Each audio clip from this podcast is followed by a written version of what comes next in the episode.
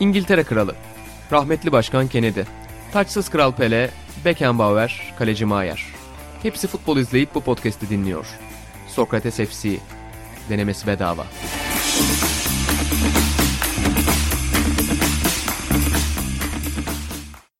Sokrates FC'nin yeni bölümünden herkese merhabalar. Futbolun nabzını tuttuğumuz podcast'imizde bir haftalık aranın ardından karşınızdayız. Bu bir haftalık arada neler yaptınız derseniz ki kusura bakmayın öncelikle bu ara için ama bu bir haftalık arada yine bolca dersimize çalıştık. Futbolun güzelliklerini izlemeye çalıştık. Şampiyonlar Ligi'nin en ön plana çıkan maçların değil, geride kalan maçların da özellikle İlhan Özgen'le birlikte analiz etmeye çalıştık. dolu dolu bir programda karşınızda olmak için tüm ekibimizle birlikte yoğun bir çaba sarf ettik efendim. Öncelikle bugün kimlerle olduğumu söyleyelim. Burak Balaban ve İlhan Özgen burada olacaklar. Hoş geldiniz beyler. Selamlar. Hoş bulduk. Yoğun bir gündem var ülkemizde de, dünyada da. Yani futbol bu gündemin kaçıncı sırasında derseniz ilk sırasında değil gibi görünüyor şu anda. E, ama en azından bizim gündemimizin tepesinde biz buradan devam edeceğiz efendim. Şampiyonlar Ligi gündemi çok yoğundu. Burak senden öncelikle böyle bir ya tabii ki herkes izlemiştir ama kısa bir özet alayım. Yani bu hafta neyi izlemeyi tercih ettin? Çünkü maçlar aynı andaydı. E, hangi iki maç senin dikkatini çekti? Ondan sonra biraz daha genelleştirerek ilerleriz İlhan Baba'yla da birlikte. Ya çok marjinal davranmadım doğrusu. Paris Saint Germain Bayern Münih'i tercih ettim ben de. Hayda. E, iki maçta da yani. iki hafta üst üste. E, üzgünüm burada. Hipster tercih yapamayacağım. Diğerinde ise sıkça yaşadığım bir yanılgıya yine düştüm. Hani bir o bir o geçmeye başladığım anda genelde diğer taraftayken öbür maçta gollerin olduğunu tanıklık ettiğim bir süreç yaşadım. Özellikle ilk hafta City Dortmund'a bakıp Real Liverpool golleri gördüğüm hemen oraya geçtiğim anda da bu kez diğer maçta goller olduğunu tanıklık ettiğim anlar herkesin lanetidir herhalde zaten Şampiyonlar Ligi'nde sıkça yaşadığımız bir durum. Onları biraz yaşadım. Tabii menünün yıldızı Paris Saint Germain Bayern Münih'ti yani çoğu insanın da herhalde gözünü diktiği eşleşme oydu. Üzerinde konuşuruz ama sevgili İlhan'ın farklı seçimleri olmuş sanırım. Chelsea Porto maçı gerçek Şampiyonlar Ligi maçıydı ama hiçbiriniz izlemediniz. Kaçırdınız. Aynen. Yok Baba ya, zaten- şaka, şaka yapıyorum. ben o maçı Ya gerçekten yani, Şampiyonlar Ligi'nin özetini bile görmedim. Yani kıymetini bilenler o maçı izlemiştir Tabii senin söylediğin kesinlikle. gibi. Aynen öyle. Biraz bu ligin ne Bayern olduğunu. Münih'i Paris Saint Germain izlemek isteyen Allegri'nin teklifini Aynen desteklesin. öyle.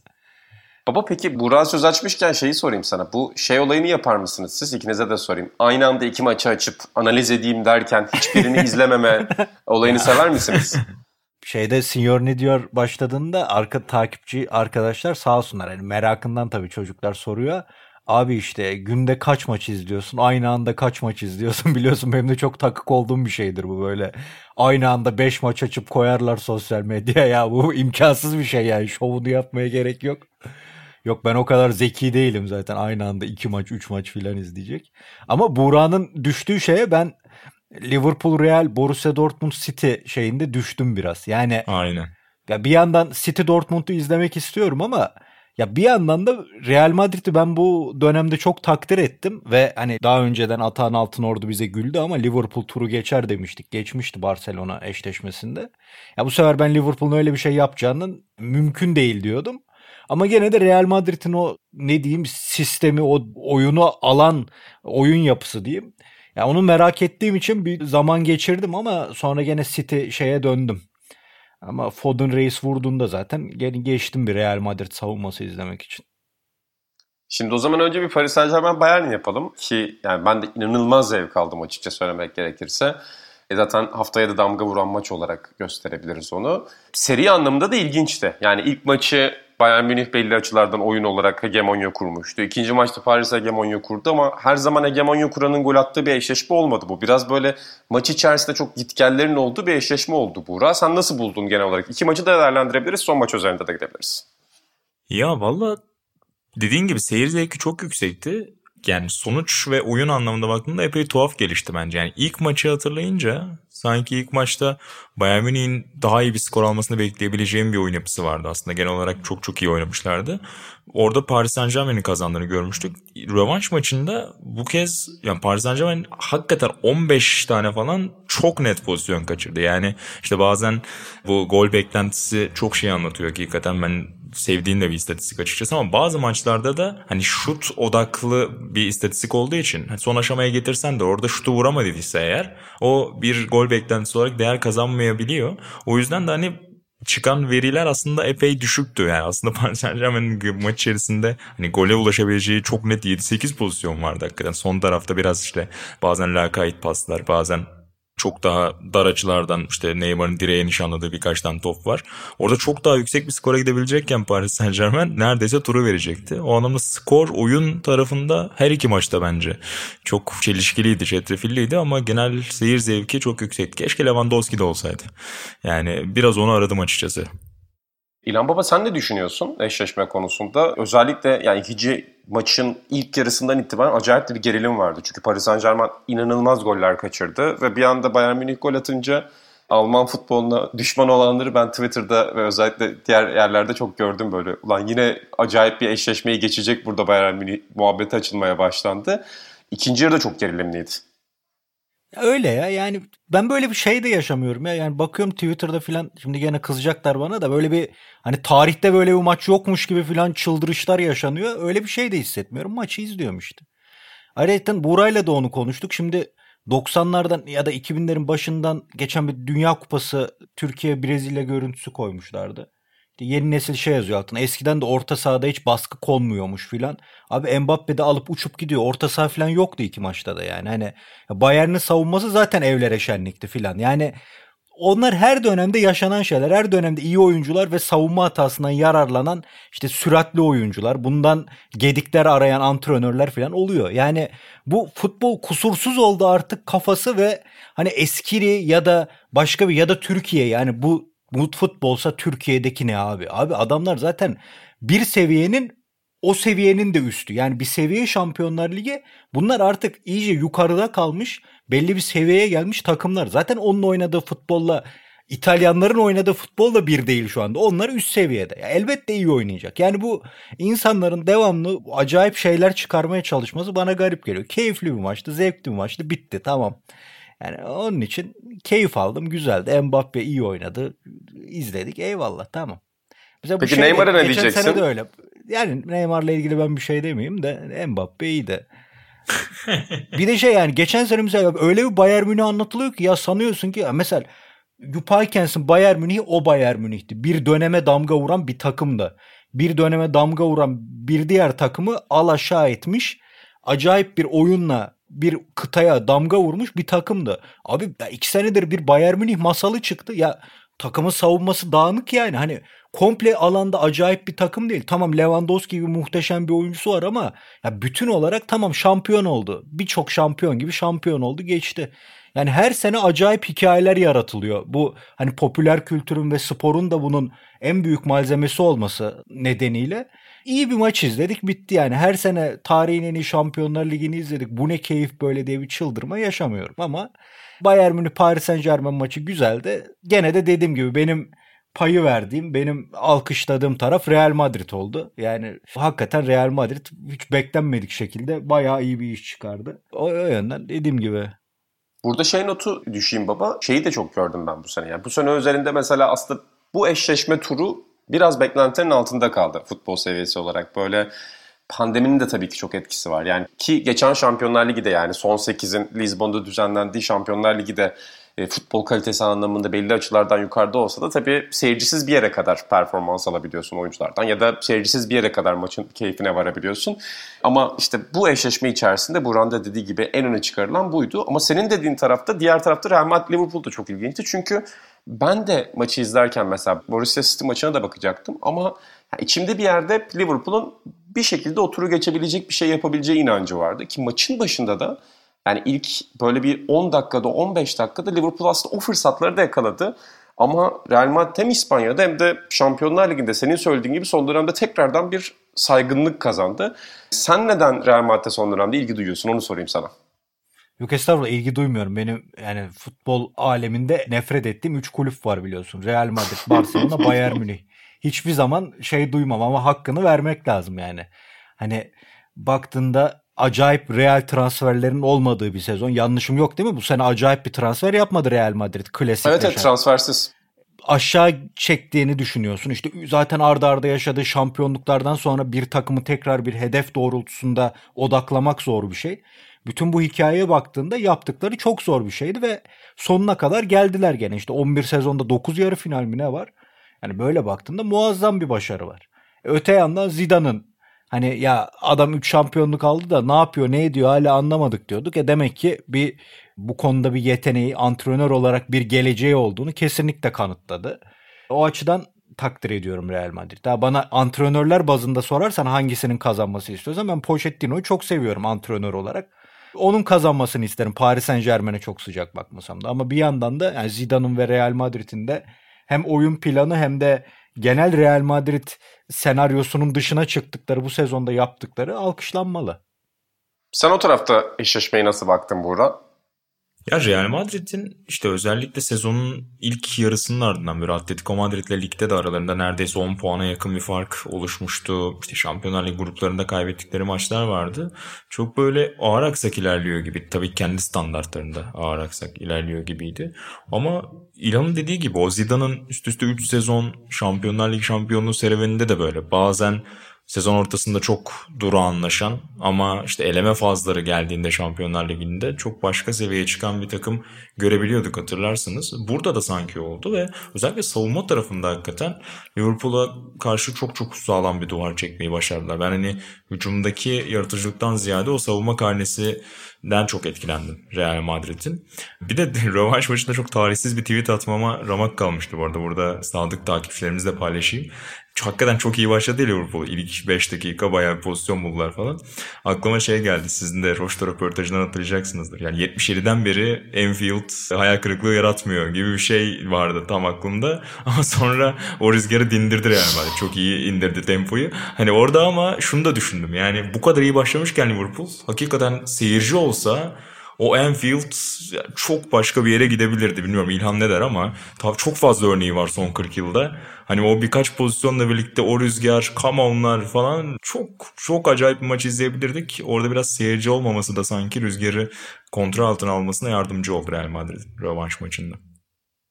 Ben kesinlikle katılıyorum bu da. Yani mesela Wijnaldum'un pozisyonu var, Mane'nin pozisyonu var, Salah'ın pozisyonu var dolu Enfield o golü attırır. Yani Wijnaldum topu yukarı vuruyor ya. Bir şekilde yani nasıl bir hikmeti varsa o stadyumun normal seyircili atmosferde o top içeri girerdi abi. Çok garip bir şekilde. Yani işte ofiste Miller'ın ofiste İlhan izletir ya işte Liverpool Saint Etienne maçı. Neredeyse koltuk başına 3 kişinin oturduğu maç. İşte Barcelona maçı aynı örnek. İstanbul'daki maça dair de aynı şeyi söylüyor herkes. Ya yani bir şekilde o seyirci grubunun Avrupa ile buluştuğunda, o formanın Avrupa ile buluştuğunda öyle bir büyüsü var.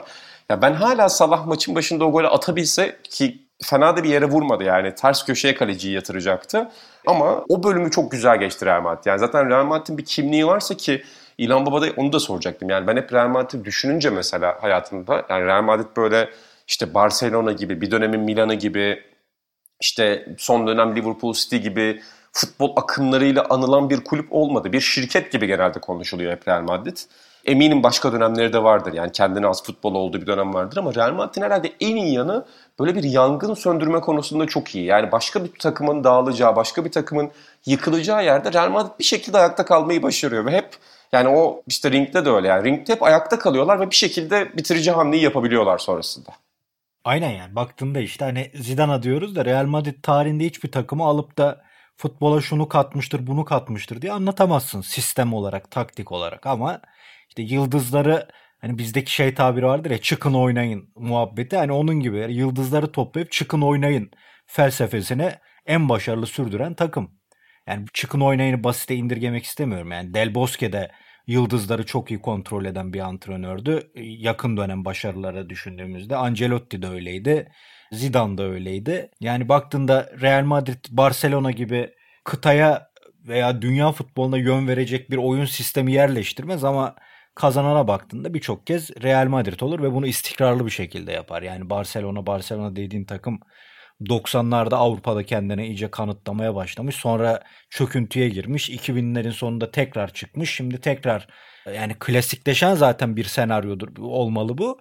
Bunu yaşarken Real Madrid gibi Bayern Münih gibi iki tane takım var bunlar. Bunlar ne olursa olsun hep tepede kalmayı başarıyor. Hani Bayern Münih'in oyun olarak, mantalite olarak çok önce olduğu dönemler var ama Real Madrid'in cidden öyle bir şey de yok. Geçmişte de yok değil mi baba? Yani daha mesela yok, yok 2000'ler öncesi yok nasıl hiç. bir kimliği var Real Madrid'in? İşte Akbaba Beşlisi dönemi var zaten ondan önce başarılı oldukları dönem. Başarı de UEFA kupası alıyorlar. Yani onlar rövanş takımıdır. UEFA'da gider 3 yer, deplasmanında 3 yer, gelir Barnebao'ya 5 atar. O 5 de öyle sistemli acayip bir şey oyun değil yani. Bayağı kaos. İndir ceza sahasına Santillana çıksın delikten çıkar gibi vursun kafayı böyle. Yani ama eler o takıma. Hani dediniz ya az önce Enfield'da o gol atılırdı diye. Bernabeu da eler bir türlü. Öyle bir takım. E, önceden baktığında işte Puşkaş, Di Stefano, Buğra da izledi işte. Di Stefano baba zaten geziyor. Sahada antrenör gibi. Kafaya göre oynuyor yani. Hiçbir sistem şu bu bir şey yok öyle. Ama o adamların bir arada yani kulübün yapısından dolayı herhalde o adamlar bir arada acayip bir sinerji yaratıyorlar.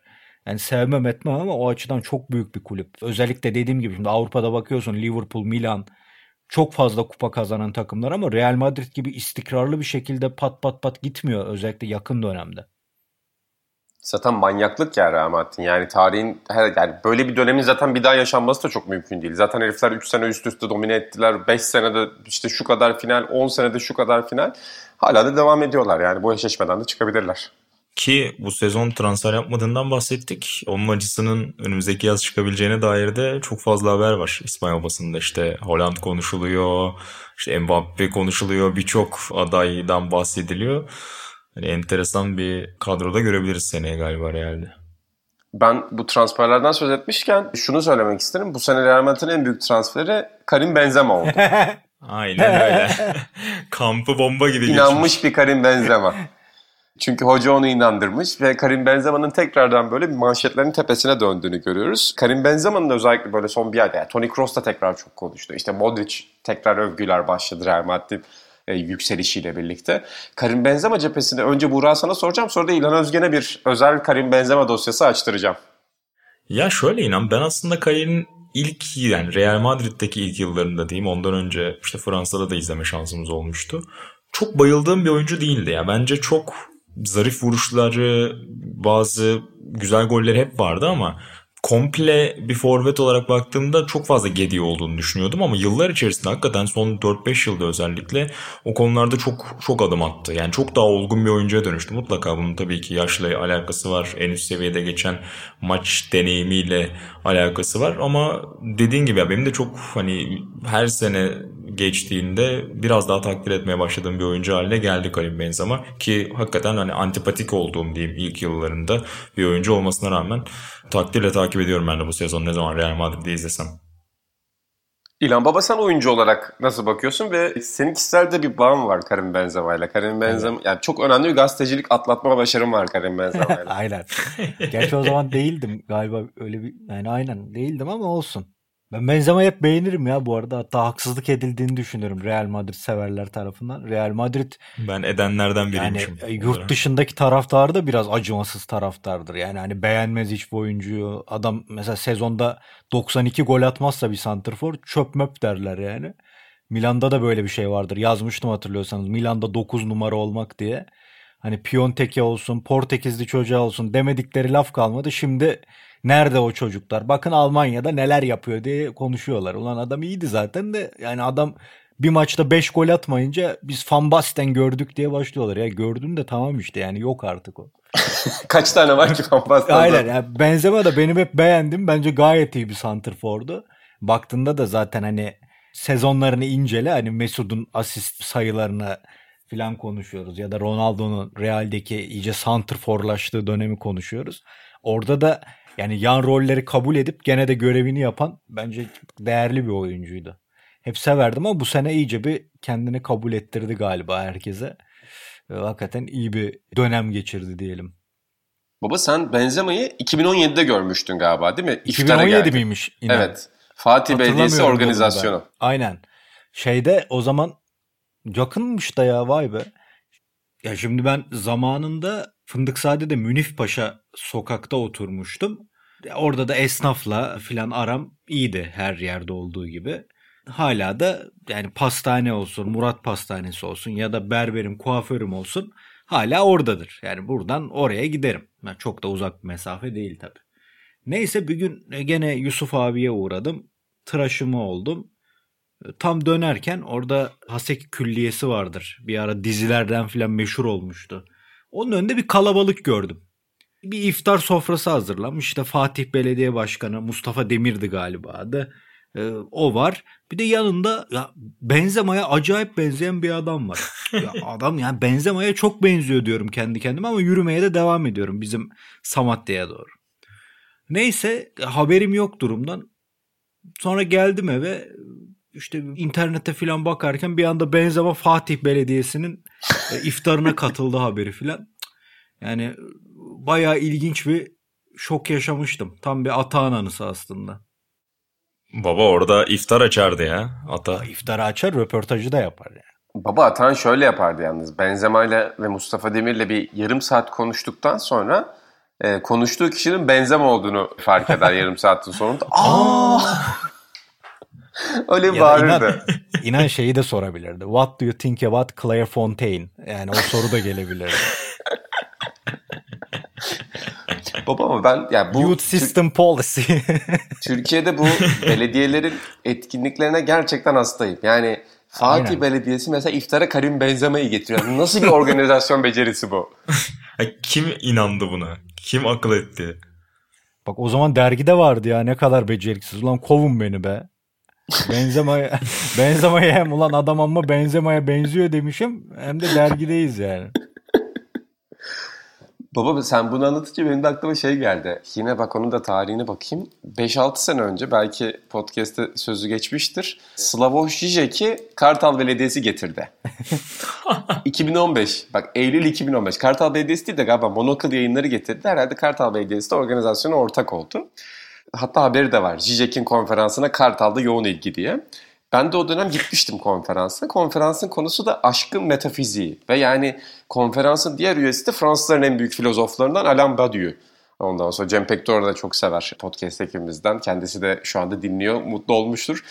Belki Cem de oraya gelmiştir ama başka konferansları da oldu bunların. Şeyi hatırlıyorum. Kartal Belediye Başkanı geldi. İşte hatta aynı belediye başkanı şu anda galiba Altınok Öz olması lazım. O arada simultane tercüme şeyi geldi işte falan filan. E, konferans başlamıştı. Konferans bir 10. 15. dakikasında geldi. Jack de yani manyak olduğu için aşkın metafiziği diye başlıyor da 2 dakika sonra çorbaya dönüyor zaten. Yani 3 dakika ona gidiyor. Zaten simultane tercümanın kafası tamamen karıştı. Bir noktada da Jack konuyu anal sekse getirdi. Seyircilerimiz de dinleyicilerimiz de kusura bakmasın. Gerçekten ya Altınok öz kulaklığı taktı. Takar takmaz Jack konuyu buraya getirdi. O kadar komik ve o kadar gergin bir yer vardı ki bir de muhtemelen belediye konferans da olmaz diye e, bazı çalışanlarını da getirmiş ki hakikaten bayağı da doluydu. Yani o belediye başkanı, çevresindekiler falan en az benzeme bak Fatih Belediyesi etkinliği kadar ilginç bir etkinlikti benim için. Şişek Kartal Belediyesi etkinliği. Ama en azından bilinçli gitmişsin ya. Benim gibi ulan herif amma benzemeye benziyor diye bir tepkin yok yani.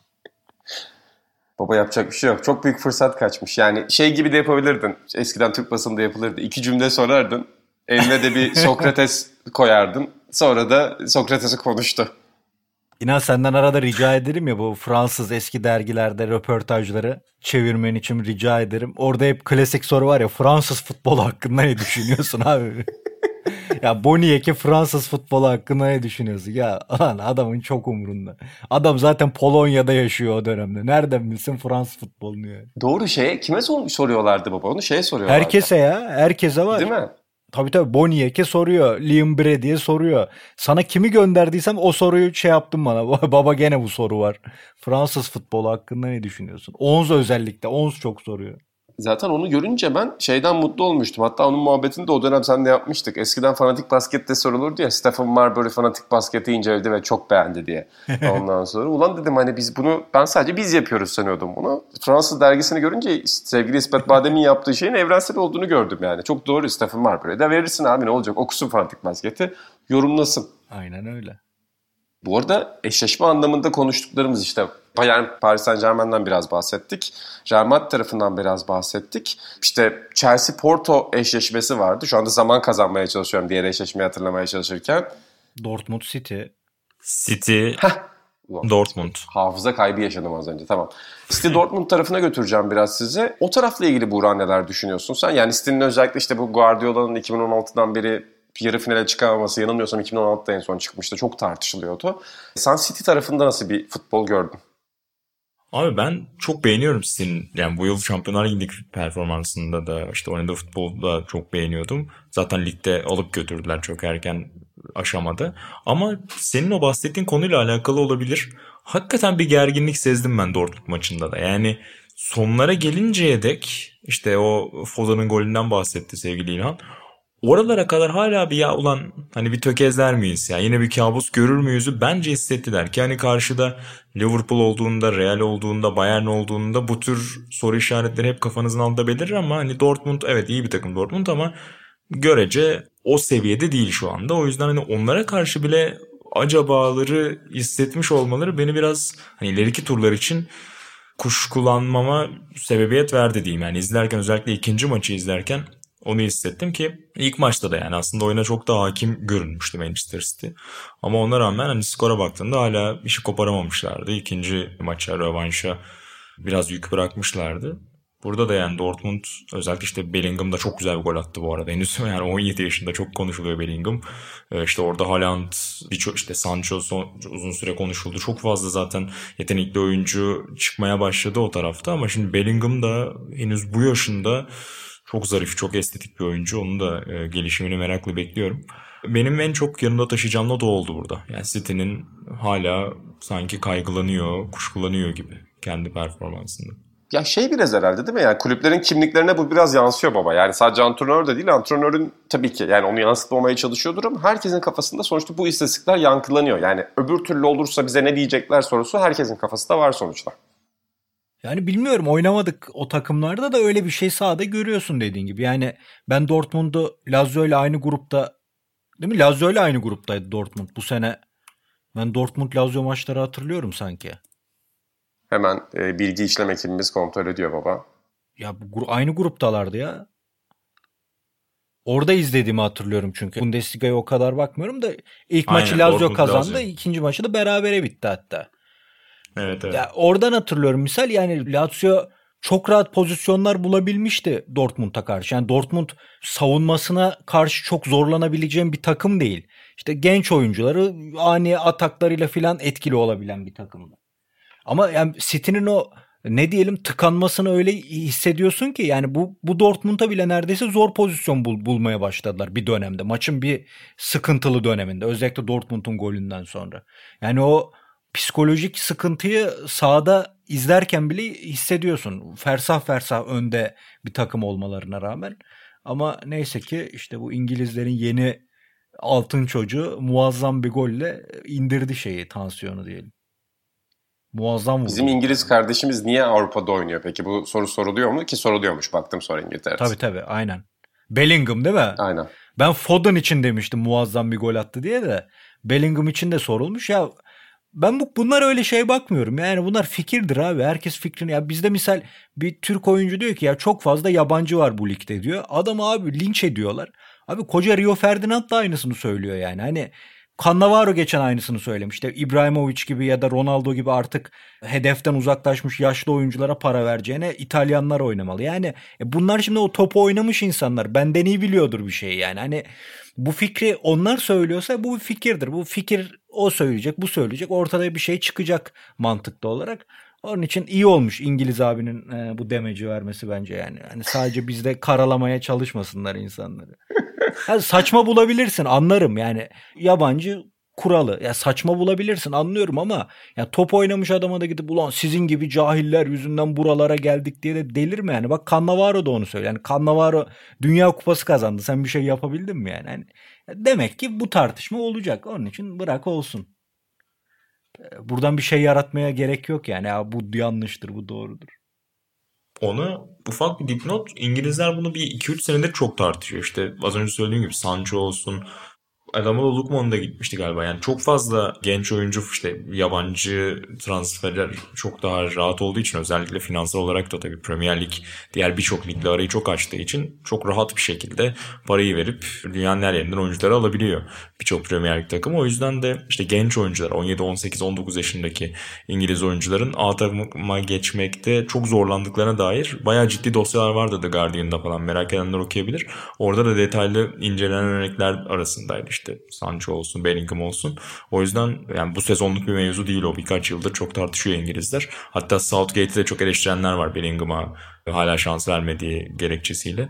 Bakalım önümüzdeki süreçte neler olacak. Biz Gordon Bin'le röportaj yaptığımızda o da söylemişti. Diyor ki işte şimdi City gidiyor Belçika'dan 15 yaşında bir çocuğa büyük para verip getiriyor.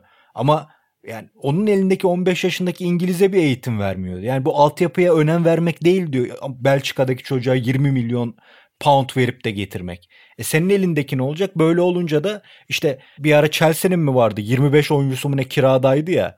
Yani bu sefer de diyor kadron şişiyor ve 25-30 oyuncunu kiraya veriyorsun. Hatta oradan da Liam Brady'nin Arsenal'de o zamanki görevini anlatmıştır röportajda. Arsenal'in kiralık oyuncularına gidiyor ve hala kendini Arsenal'de hissetmesini sağlayacak o iletişimi kuruyor.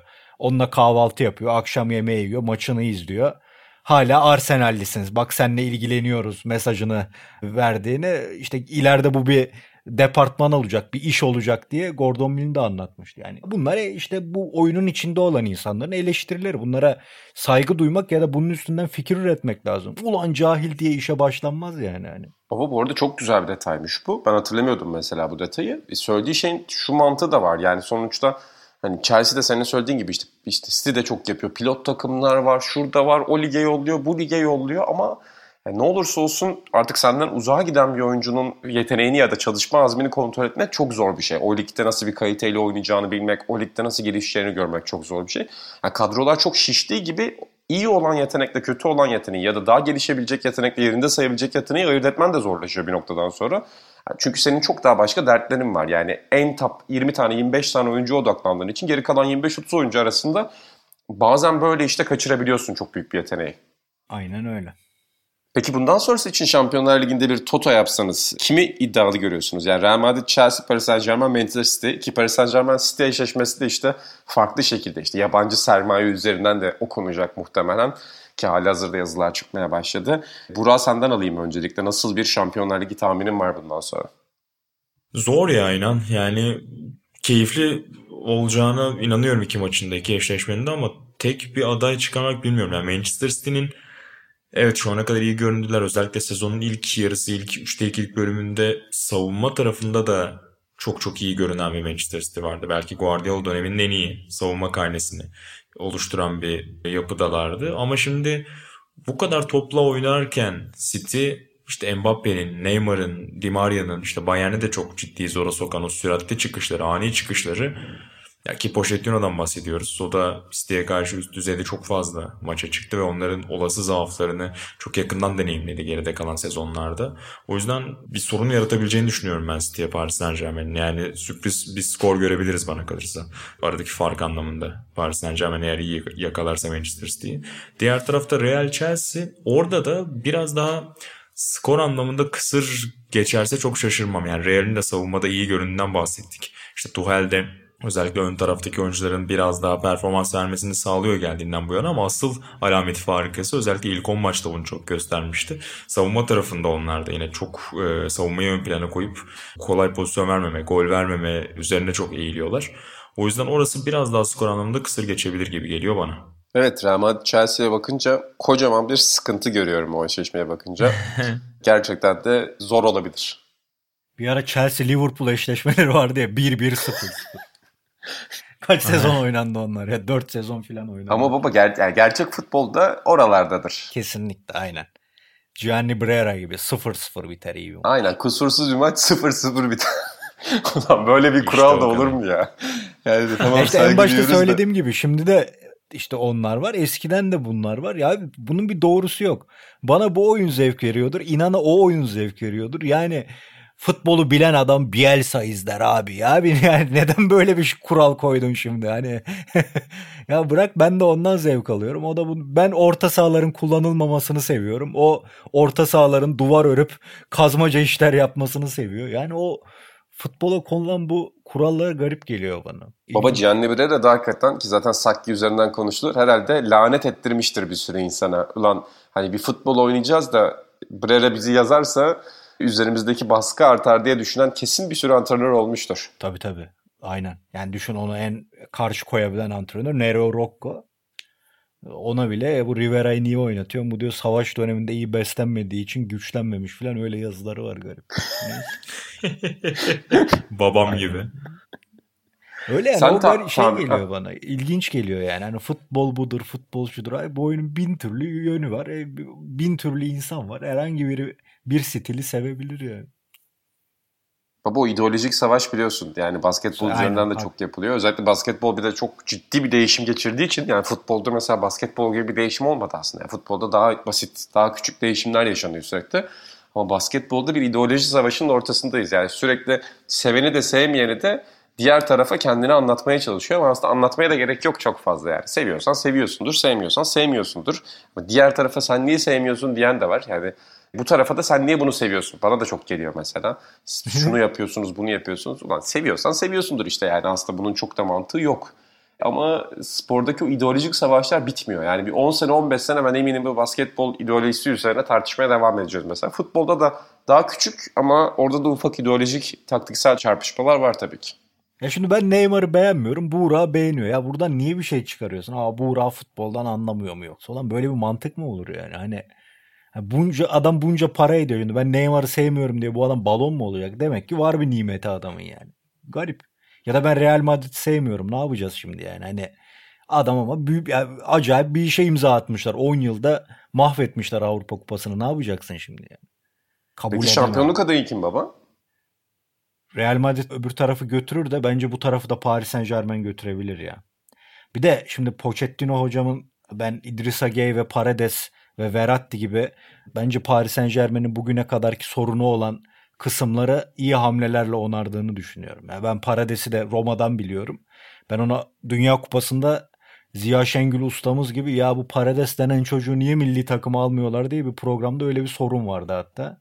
Tam bir o pro yani tam bir Ziya Şengül sorusudur bu. ya Emre bu Roma'da bir Parades vardı. Neden yok o milli takımda tarzı bir soru sormuştum.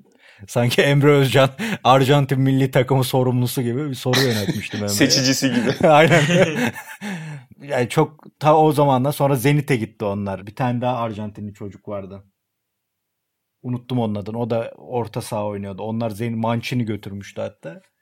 Dediğim gibi beğendiğim oyuncuları var. Özellikle Pochettino'nun bu maçlarda iyi strateji kurup sonuç alabileceğini düşünüyorum ben. Belki çok sevdiğim için de olabilir. Bir de Paris Saint Germain'i elbette bu sermaye mermaye mevzularından tamam soğuğum da ya baktım da işte böyle sevdiğim adamları da var işte. Misal ben Di Maria'yı çok beğenirim. Hmm. Ama Keylor Navas diye bir adam var misal. Yani bayağı iyi bir kaleci bence Navas bu arada. Çok evet yani. kulaklarını çınlatmıyoruz. Hem Mükemmel. biz çınlatmıyoruz hem de genelde insanlar ama baktığında Avrupa futboluna bence son 10 yılda damga vurmuş kalecilerden birisi. O yönden öyle parçalar da var baktığında. Antrenöründen tuttu oyuncusuna kadar. Yani hiç tarzım değil ama bir sempati duyuyorum Paris Saint Germain'i izlerken. Baba senin Di Maria, Di Maria sevgini bilmiyordum ama. Tabii tabii çok beğenirim ben Di Maria'yı. Çok akıllı oyuncu. Biraz çok daha yakışıklı teknik. olsa kimse Messi'yi duymazdı diyebilir miyiz? Yani o, o kadar sert bir yorumum yok ama George Best gibi.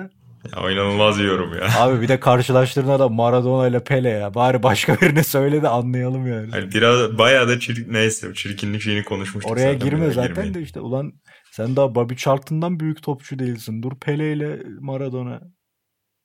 Böylelikle Şampiyonlar Ligi dosyamızın da sonuna geldik. Bobby Charlton demişken baba son bölümü dinlemeyenlere de bir daha tavsiye edelim. Jack Charlton'ı konuşmuştuk, Jack Bobby Charlton'ı konuşmuştuk. Aynen. Özellikle benden Bobby Charlton'ı dinlemek isteyenler son podcast'te kaçırmasınlar efendim. Aslında Ama dediğim gibi benim şeyim Real Madrid. Real Madrid'in bu performansla kupayı almasını diliyorum. Çok takdir ettim. İnan senin adayın kim? Ya benim hiçbir adayım yok açıkçası Buğra. Ama iyi olan kazansın. yani her şeyden önce ben iyi futbol Çünkü benim de tek yaptığım şey hani hafta sonları geldiğinde iyi futbol dilenirim. Tanrım bana iyi bir futbol izlet derim. Paris Saint Germain'in çıkmasını isterim ama yani hakikaten Paris Saint Germain'de Manchester City'de böyle sempatik bir eşleşme değil. Real Madrid Chelsea'de birçok insana sempatik gelmiyordur eminim. Ki ben bir Real Madrid taraftarıyımdır İspanya özelinde. Ben de Paris Saint Germain Real Madrid finali isterim açıkçası. Oradan da Paris alabilir bu arada. Ben Kylian Mbappe'yi falan çok seviyorum. Yani insanların Mbappe'nin falan oyun stilindeki özellikle eksi tarafa takılmasını anlayabiliyorum. Yani açık alanda iyi olduğu kadar hala karşılaştırıldığı oyuncular kadar kısa mesafede etkili bir oyuncu değil belki ama çok hoşuma gidiyor. Açıkçası onun bir Şampiyonlar Ligi'de alıp şey yapmasını isterim. Orada ki senin az önce bahsettiğin senelerde de çok geçerli yani. Manchester City savunmasının içine doğru giden böyle yaldır yaldır giden bir Mbappe görüntüsü şu anda gözümün önüne geldi. Ya misal bak Hani Mbappe sadece açık alanda. Abi bırak onu açık alanda. Ya biz de öyle hatırlayalım Mbappe'yi yani. Hani ya herif açık alanda uçardı. Tamam abi yani. Hani ille acayip bir robot futbolcuya dönüşmesini niye bekliyoruz herkes? Baba zaten Mbappe yakın mesafede Messi gibi oynasa zaten bir şey kalmıyor ki. Hani. Baba zaten 25 yaşında da onu öğrenir yani ha, bu arada. Ya, ya Haaland, Haaland bir şey yapıyor. Ya abi Ronaldo daha kompleydi. Ya abi zaten ya bırak Ronaldo olmasın bu da ya tamam yani bu da Haaland olsun. Ya bırak kalsın o da öyle. Ya ve bunu diyen adamın o yaşta izlediği Ian Rush denen adamın gol atmaktan başka hiçbir becerisi yok baktığında. Sen ama Ian Rush'ı niye öyle güzel hatırlıyorsun? Çünkü gol atıyordu adam. Ya bırak abi her şeyden komple bir futbolculuk bekliyorlar. Biz onu Buğra ile çok konuşuruz. Bana Almanlar da sevdiğin 11'i yap demişlerdi. Ben de Kroos'u almıştım. Çok severim biliyorsunuz bayılırım. Abi altına yan toptan başka bir numarası olmayan adamı almışsın. Abi ne yapıyorsunuz yani Kroos'a bari bu, bu kadar sallamayın. Yani acayip bir şey var. İlginç. Doğru yani kusursuz futbolcu ya da kusursuz sporcu yaratmak zorunda değiliz yani. Sonuçta atıyorum bu bir olimpiyat da değil. Yani Michael Phelps ya da Usain Bolt gibi artık robotlaşacak derecede mesleğinde mükemmelleşmek zorunda değilsin. Şartlar var, şanslar var. Yani bu sene Mbappe'nin yanında olur o şan. Başka bir sene Haaland'ın yanında olur ama yani bu oyuncuların da eksikleri olacak zaten. Ronaldo ve Messi'nin bile ki en kusursuz oyuncular onların bile eksikleri var yani. Bak şimdi misal başladı ve podcast'i bitirince hemen ben Villarreal Dinamo Zagreb maçı linki arayacağım. Yani Dani Parejo'yu izleyeceğim. Yani baktığında eksik oğlu eksik adam belki. Yani bir tonla şeyini buluruz eksiklikte. Ama ben adamı izlemeyi seviyorum abi ne yapayım yani şimdi hani Pareo Bey biraz tempo kazanın falan diye mentionlayayım mı adamı? Savunmaya dönsene kardeşim. Aynen. Baba benim de maalesef ya en sevdiğim topçulardan biri James Milner. O kadar güzel bir gol atıyordu ki yani ayağa kalktım. Oh. O köşeye doğru 10. 15. dakikada yuvarladığı, çaprazı yuvarladığı top. O gol olsa Enfield'da böyle James Milner'ın o golüyle başlayan bir geri dönüş falan inanılmaz olur. Yani Tabii James Milner'ın da futbol tarihinin herhalde en üst seviyede oynamış birçok eksiği olan futbolcularından biri baktığında ama acayip zevk veriyor bana Çok izlemesi. rugbyci zaten ama Aynen. işte o oyun bilgisi dediğin şey acayip bir şey yani. Gerçekten de öyle. Aslında Türk futbolunun da kirli sayfalarına biraz girecektik gündeme doğru ama Şampiyonlar Ligi muhabbeti güzel oldu. Avrupa'yı konuştuk. Fatih Belediyesi organizasyonunu konuştuk. Kartal Belediyesi'ni konuştuk. Belediyelerimize de seslenelim buradan. Sokrates FC organizasyonu yapmak isterlerse davetleri açığız biz de. Aynen. Canlı podcast için geliriz Kartal'a. Kartal Belediyesi Sokrates hepsi aşkın metafiziğini konuşmak için çok hazırız biz de. Onu da konuşuruz. Fatih Belediyesi'ne seslenelim. Bu arada baba sen adresi verdin ama şey gibi kanuni dizisi gibi seni ziyaret etmeye gelenler için söyleyelim. Sen oradan taşındın. Çok üzgünüm artık o aynen taşındım. Zaten bambaşka bir mahalle var artık. Girerken dikkatli olsunlar. yani İlan Baba'yı ziyaret etmek isteyenler türbe gibi oraya gitmeyecekler artık. Adresi veremiyoruz. Şu an oturduğu adresi aynen, veremiyoruz. Ama söyleyelim yani. Çünkü Osmanlı dizileriyle birlikte o turizmde çok çoğalmıştı. Hala da devam ediyor. İnanılmazdı. Öyle mi? Ya dizi turizminin zaten şeyi de güzel baba biliyorsun Aşkı Memnun'da da çok vardı. Özellikle Orta Doğu'dan çok Aşkı Memnun'un sahnelerine gelenler oluyordu. Mesela Bihter'le Behlül'ün mantıcısı vardı meşhur. Oraya çok ziyaret edenler oluyordu. Kutsal mekanlar bunlar. Tabii ben, ben şu anda da Samatya'da oturuyorum. Ben orada da şey yani hani böyle ikinci bar sanki hani mahalle ikinci barla kurulmuş gibi.